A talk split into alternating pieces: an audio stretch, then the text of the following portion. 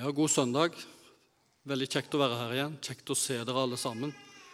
Eh, og gratulerer og lykke til, til lykke med dagen for dere i dåpsfamilien. Veldig kjekt å få lov til å være sammen med dere og få oppleve dette nydelige når en får bære barna, de kjæreste vi har, til Jesus. Helt fram til Jesus. Han som eh, ikke har tanker til ulykke, eh, men har fredstanker og som vil gi framtid og håp til lille Magne. Eh, så det er nydelig og flott å få være med. Eh, og det er jo en festdag. Dere er jo nydelig kledd. Eh, der må jeg faktisk litt sånn flau innrømme at jeg, jeg, hadde fått mail om at det skulle være dåp i dag, og jeg hadde hengt opp slipset foran utgangsdøra. Og så halvveis til ferja så ser jeg for mitt indre blikk hvordan jeg bruker slipset som en sånn gardin og går ut døra. Så, så det er meg litt i distraksjon. Jeg var sikkert i egne tanker idet jeg gikk ut av dørene. Men jeg syns at jeg skulle gjøre ære på lille Magne med å ha slips i dag. Men slik ble det altså ikke. Men, men. Det, av og til så stemmer det vel at det er tanken som teller, får jeg håpe. Ellers er det flott og en ære å få lov til å være den i dag som skal få dele de gode nyhetene med dere. Eh, lese og dele ut ifra eh, ord fra evangeliene, ord av Jesus. Eh, det er et privilegium, og det er alltid spennende. Det er alltid spennende å lytte seg inn i det som skjedde rundt Jesus, og det som han sa. Så det er et privilegium å få være med på å få dele. Men jeg har lyst til å, å be litt først, både for Magne og for dåpsfølget og for forsamlingen. Eh, men jeg hadde også lyst til at vi skal ta med oss I går så var det, for de som har fått med seg det, verdensdagen for selvmordsforebygging. Eh, og Så leste jeg litt om det og sånt i går, og det slo litt inn eh, at vi må ha med oss, ha blikket så vi ser hverandre, ser de som kjemper for livet, de som alt er helt mørkt for, eh, som har lyst til å forsvinne fra jordens overflate, som ikke orker å leve mer. Eh, så jeg har lyst til å ha med de òg. Det var 658 som tok livet sitt i fjor. Og det er veldig sterkt å, å fortvila å, å, å, lese og registrere. Svein Ellingsen i en salme Gi håpet rom i denne tid, hvor langt du enn er nede. Hos dem som taper i sin strid, er Herrens skjulte stede. Ved Kristi verk skal du bli sterk og hvile i Guds fremtid, skal vi be. Takk, Herre Jesus, for at du er god nådig, barmhjertig og vidunderlig. Og Jeg takker deg for at du har tatt imot Magne i dåpen i dag. Takker deg for at du tar imot barna, velsigner dem, tar deg av dem, beskytter dem. Og Jeg takker deg også for at du tar imot oss alle, tar deg av oss alle, vil gi oss framtid og håp. Jeg ber for Magne og for familien må du velsigne dem rikelig. Og så ber vi også for forsamlingen her at de må se ansvaret i forbønn og omtanke for Magne og familien og for hverandre. Og så ber jeg spesielt for de som kjemper for livet i dag, og også om noen skulle være her i dag. Gi dem håp, tenn lys for dem, forbarm deg over dem. Forbarm deg over oss. Åpne nå våre øyne og ører for deg og for hverandre. Amen.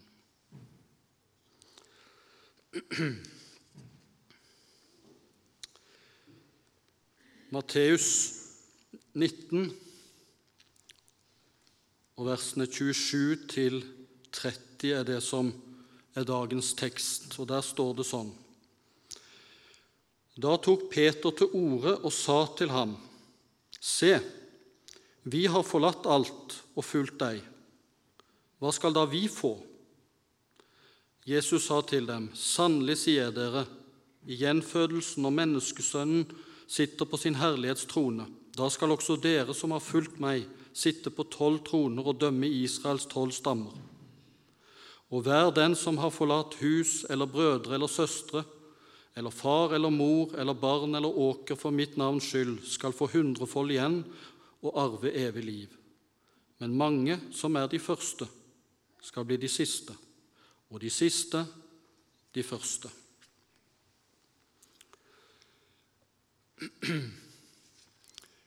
Gud er god. Jesus er god. Han er god og barmhjertig og nådig. Jeg har lyst til å spørre innledningsvis, som noe som, som kan henge der eh, Setter du pris på at Gud er god? Setter du pris på Hans godhet og nåde? At Han er god mot deg, at Han er nådig mot deg, tilgir deg? Ja, jeg tror nok sikkert du gjør det. Men setter du pris på hans godhet mot andre, hans nåde mot andre, hans godhet mot andre som du kanskje ikke helt setter pris på, andre som du kanskje ikke fortjener hans godhet og nåde? Setter du pris på Guds urimelige godhet, urimelige nåde? Unaturlige nåde og tilgivelse. Jeg har spurt meg dette spørsmålet i helga, og det henger der. Setter jeg pris på at Gud er god? Det er noe å tenke på. Peter han er alltid frampå, og her er han frampå igjen og spør Jesus og Det er noe nydelig med skildringen av disiplene og menneskene vi møter i evangeliene. De er veldig menneskelige, de er nydelige, de er smålige, de er ærekjære osv., som oss. Eh, og nysgjerrige og lurer på, og jeg forstår ikke alltid Jesus. Og nå har altså Jesus satt forskrekkelse og forferdelse i disiplene. De har så å si forskrekkelse og forferdelse i kroppen. For Jesus har nettopp møtt den rike, unge mannen og bedt han om og sagt at ett mangler det. Selg alt og gi det til de fattige. Kom så, følg meg. Og han gikk bedrøvet bort. Og så sier Jesus i forlengelsen og Vi hørte jo glimt av det i åpningsordet. Så sier Jesus at det er lettere for en kamel å gå gjennom et nåløye enn for en rik å komme inn i himlenes rike, inn i Guds rike.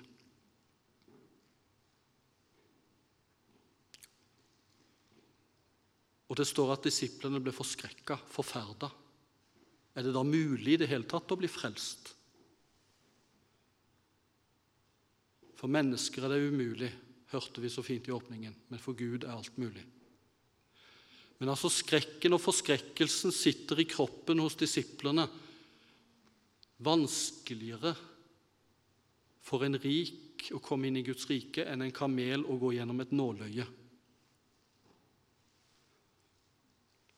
Vanskeligere å gå gjennom et nåløye for en kamel å gå gjennom nåløyet. Nei, vanskeligere for en rik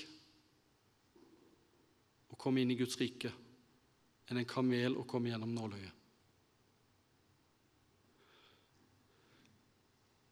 Vi er rike i Norge, vi har et fantastisk velferdssystem. Hva om vi ble bedt om å forlate nær sagt, Nav og forsikringer, strømstøtte, all økonomisk støtte, all økonomisk trygghet og følge Jesus? Og fikk høre at det er lettere for en kamel å gå gjennom nåløyet enn det er for dere som lever av Nav og strømstøtte og forsikringer, å komme inn i Guds rike. Om de rike satt fast i sin rikdom på Jesu tid, så tror jeg vi gjør det vel så mye. I alle fall så sitter denne forskrekkelsen i disiplene om at det er umulig. Vi sitter så fast. Selv når vi tilbys å settes fri, for det var jo det denne rike unge mannen ble tilbudt, å bli satt fri fra fangenskapet under rikdommen, Å få være i Jesu følge og bli tatt hånd om av Jesus.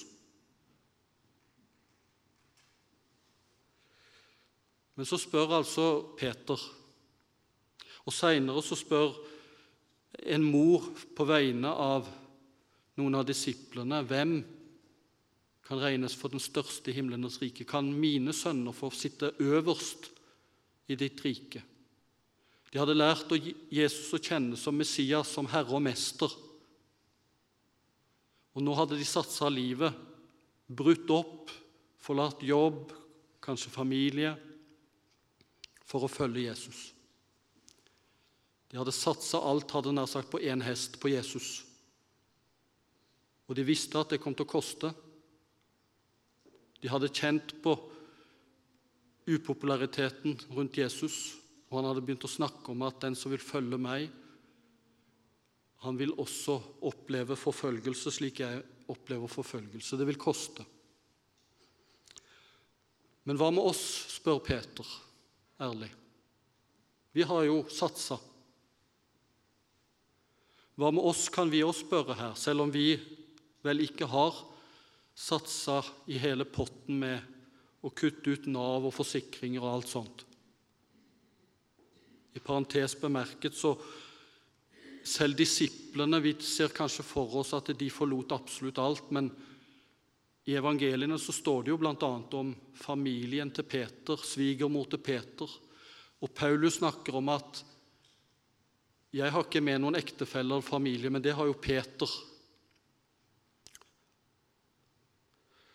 Så vi skal ikke forstå det absolutt slik at alle disiplene forlot både familie, penger og alt for å følge Jesus. Det har vært mange varianter av det å satse innsatsen. Men hva med oss som har satsa noe for å følge Jesus? Satsa noe i misjonen? Noen har reist ut som misjonærer, noen har gitt trofast til misjonen i alle år, vært trofast i forsamlingen, i tjeneste. Hva med oss?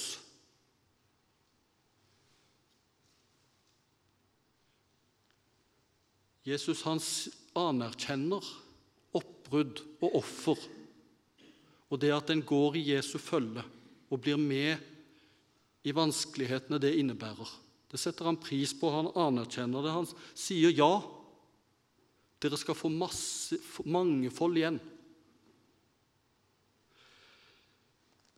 Han snakker til og med når det gjelder disiplene, at de til og med skal få sitte på tolv troner.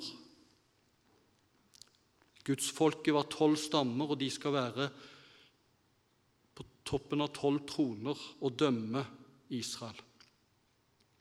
Jeg vet ikke helt hva det innebærer. Jo, jeg skal sørge for dere. Når jeg ber dere om å følge meg, oppgi alt og følge meg, så skal jeg sørge for dere. I Markus 10 står det eh, på den eh, parallellen Jesus svarte og sa, 'Sannelig, sier dere, det er ingen som har forlatt hus eller brødre eller søstre eller mor eller far eller barn eller åkre for min skyld og for evangeliets skyld, uten at han skal få hundrefold igjen.'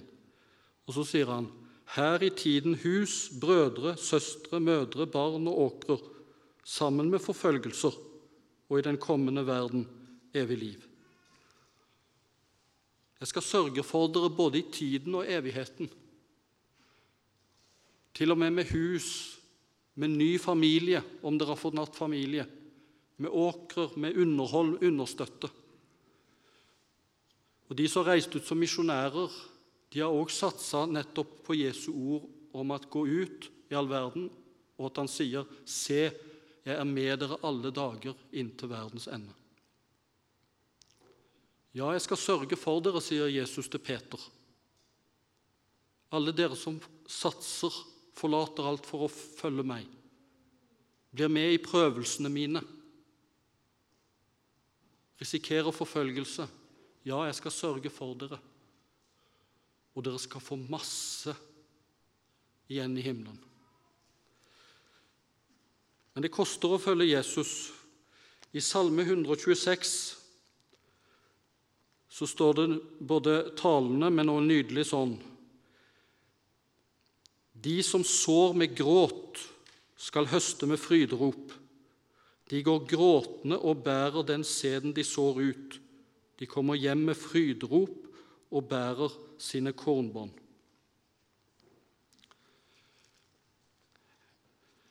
Det koster om de gode nyhetene skal komme videre til andre mennesker.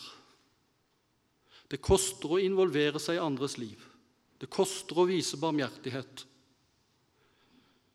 Det koster involvering og tid, penger og krefter å bringe evangeliet videre og vise barmhjertighet. Det kan koste tårer.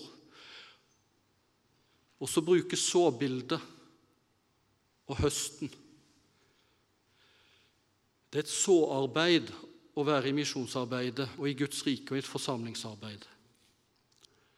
Men hos Jesus så bruker han hvetekornets lov som et bilde på seg sjøl. Han legger ikke bare et såkorn, de gode nyhetene, ordene, i jorda, men han legger hele livet sitt i jorden. Det må dø for at det skal bære frukt.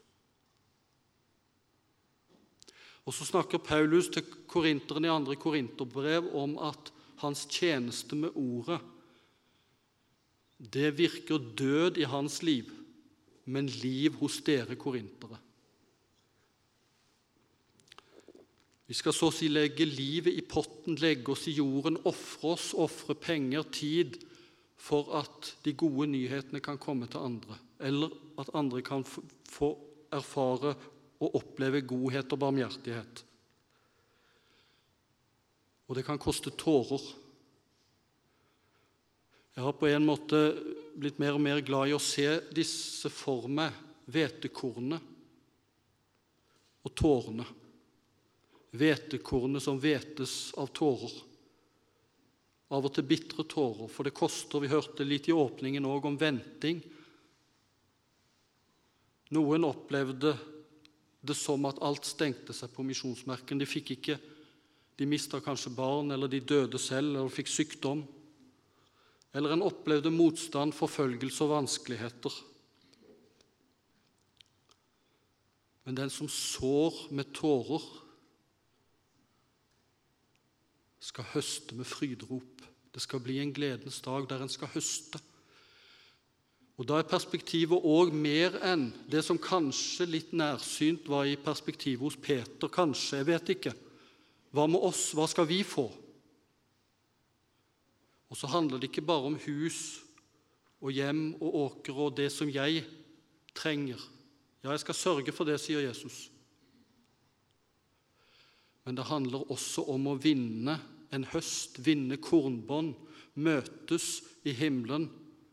Ha sådd, ja, med tårer kanskje, men møtes i himmelen med mennesker en har vunnet for Gud på misjonsmarken eller lokalt her i Stavanger eller i Salem. Ja, det koster, men du verden for en fantastisk høst vi skal få.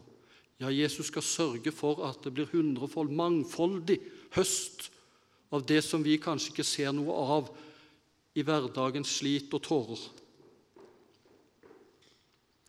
Så det er på en måte litt første delen av svaret Eh, til Jesus at ja, jeg anerkjenner og setter pris på at dere satser, og at dere blir med meg i prøvelsene. Det skal jeg lønne dere rikelig for. Jeg skal sørge for dere. I Lukas 22 så sier Jesus noe lignende, og i vers 28 så sier han, men dere er de som har holdt ut sammen med meg i mine prøvelser. Og det anerkjenner han. Han setter pris på det. Jeg overgir riket til dere slik som min far overga det til meg, for at dere skal ete og drikke ved mitt bord i mitt rike å sitte på troner og dømme Israels tolv stammer. Og så er dette her igjen.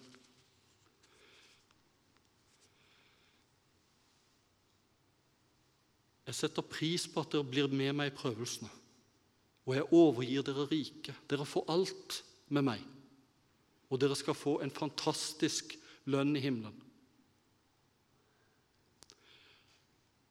Men så er det på en måte en del to i Jesus' svar. Og det er det han sier at Men husk at de første skal bli det siste, og de siste de første. Og så syns jeg egentlig at de som har satt opp disse tekstrekkene, på en måte har Ta det med en klype salt, det jeg sier nå, da. Syndet litt når de har klippet bort det jeg vil si resten av svaret. For etter dette så forteller Jesus en lignelse om en jordeier, en vingårdseier, og hvordan han lønner sine arbeidere. For Jesus han sier på en måte til Peter og til oss når vi spør hva med oss, what's in it for us, med å satse livet og følge deg, omkostningene og slitet med å være en misjonsvenn, en kristen, en Jesu etterfølger. Og Så sier Jesus ja, men det handler ikke om at jeg skal gi det dere har fortjent at det går etter et regnestykke om at om du har satset så mye, så skal du få tilsvarende mye igjen for det. Til forskjell fra de som ikke har villet satse. For da glemmer du hvordan jeg er, hvilken herre jeg er. For så forteller altså Jesus videre om denne vinbonden eller jordeieren som ved daggry går til der eh, dagarbeiderne står, de som trenger dagsarbeid for å kunne fø familien sin. Det er en jordeier som har omsorg for de arbeidsløse, og så trenger han arbeidere til sin vingård. Og Etter daggry så kaller han 'bli med i vingården og jobb'. Men så pussig nok i forhold til For det er her overraskelsen i fortellingen er. I forhold til andre jordeiere som har en forvalter som tar seg av dette å finne arbeidere. For det kommer en forvalter seinere når det skal lønnes, som han instruerer om hvordan han skal lønne. Men denne jordeieren, denne godsherren, går ut igjen etter noen timer. Klokka ni på morgenen, og så sier han ja, dere står ledige her, kom og bli med. De første hadde han avtalt lønn med, en dagslønn, en denar. De andre sa dere skal få det som er rett.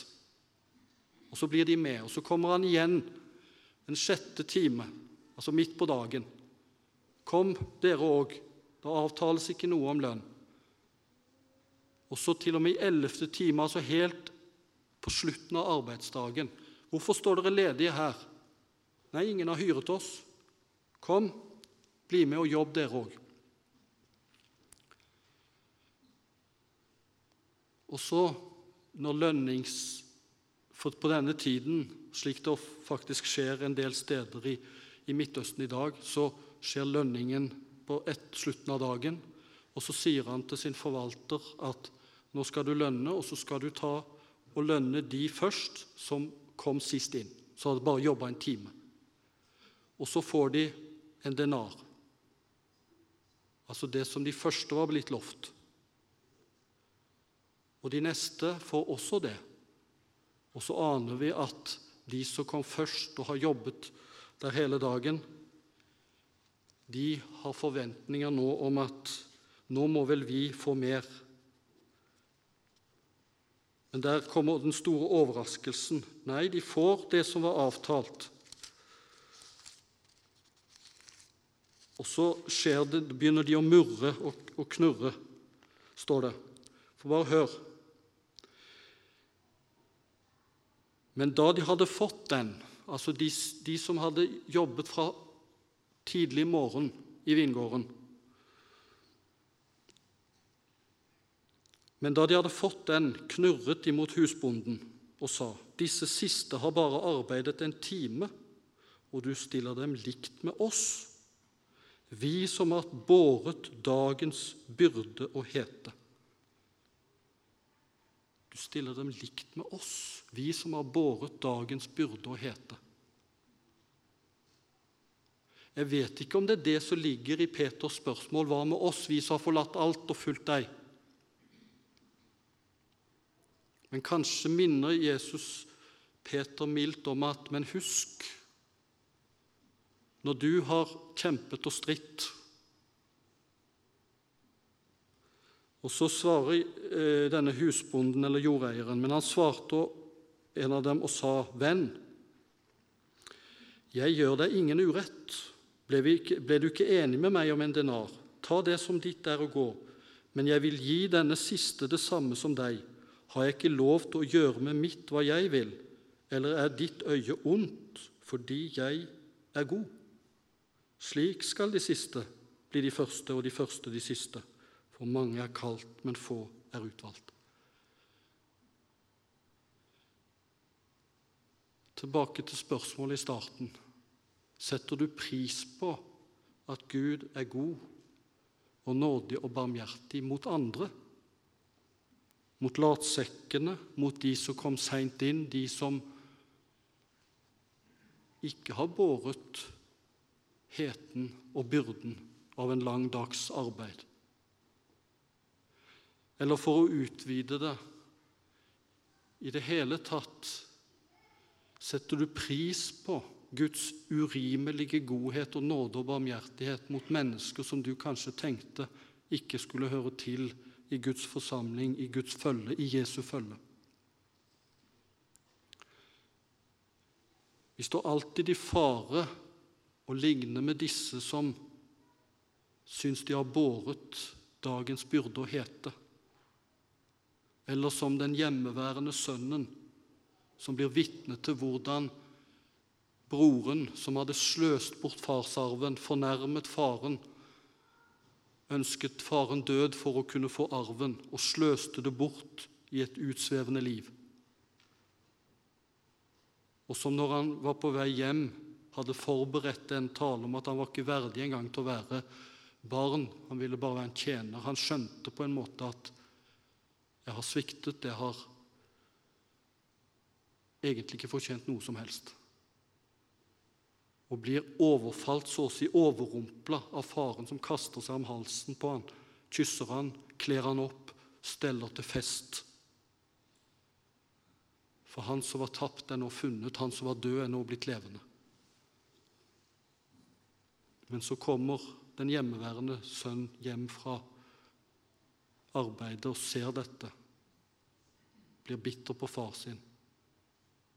Hva med meg som har stått her trofast, og så nå når han som har sløst med arven, kommer hjem, så steller du i stand fest. Han klarte ikke å glede seg over farens godhet mot broren. Slik disse arbeiderne ikke klarte å glede seg over de som var kalt dit i den siste ellevte time. For Guds godhet er urimelig. Og på et vis urettferdig. Jo, han er rettferdig. Han var rettferdig. Han ga de det de skulle ha, de første. Han sørga for de. Ja, han sørger for sine. Men han er urettferdig til vår fordel når vi har snublet, når vi har sviktet. Og det er egentlig vår alles både håp og det vidunderlige med å være i Jesu følge, det er at han alltid overrumpler oss og overrasker oss med godhet og nåde og barmhjertighet når vi minst fortjener det, når vi trodde at alt var ute, at vi hadde satt alt over styr. For vår Herre, han er god. Han er den mesteren som stiller seg og Når de, mora spurte om hvem som skulle være fremst i Guds rike, sitte nærmest, så sier Jesus kongene og eh, de mektige i vår de, de, de viser sin makt. Men jeg er som en tjener iblant dere. Og Skjærtorsdag så tok han endog til et vaskevannsfat og gjorde en slaves arbeid og vasket disiplenes føtter. Skjønner dere hva jeg har gjort? Slik skal dere òg vaske hverandres føtter. Jeg er som en tjener iblant dere, jeg som er herre. Og så blir på en måte svaret til Jesus med at de første skal bli de siste, og denne fortellingen om denne gode vingårdsbonden et sånt apropos Husk på Peter. Ja, jeg skal sørge for dere, med hus og åker og alt i denne tiden. Og dere skal få hundrefold igjen i evigheten og sitte på tolv troner osv. Men husk, husk at jeg er god, også mot de andre. Ikke la deg ikke bli bitter over min godhet. Jeg gjør med mitt hva jeg vil. Jeg har satt livet i hele potten. Og jeg vil derfor vise godhet mot den jeg vil vise godhet, barmhjertighet mot den jeg vil vise barmhjertighet. Måtte vi ligne Han, også vi, i møte med alle rundt oss. Skal vi be til slutt. Takk, Herre Jesus, for det du har minnet oss om i dag. Må du la det få synke inn, sånn at vi kan glede oss over din godhet mot andre. Og jeg takker deg for din godhet mot meg. Og Herre Jesus Kristus, du står her foran oss. Du er også bak oss. Du er på vår høyre side, og du er på vår venstre side. Du er over oss, og du er under oss. Du omgir oss på alle sider. Du bor i våre hjerter, og du gjennomtrenger oss helt. Og du elsker oss, Herre Jesus. Takk og lov for det. Amen.